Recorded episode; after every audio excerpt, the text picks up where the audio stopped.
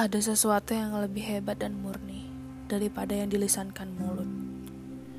Kesunyian menyinari jiwa kita, berbisik kepada hati kita, dan memadukan mereka.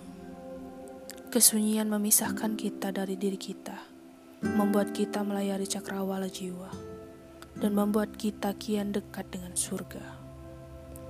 Kesunyian membuat kita merasa bahwa tubuh tidak lebih dari penjara dan bahwa dunia ini hanyalah sebuah tempat perasingan.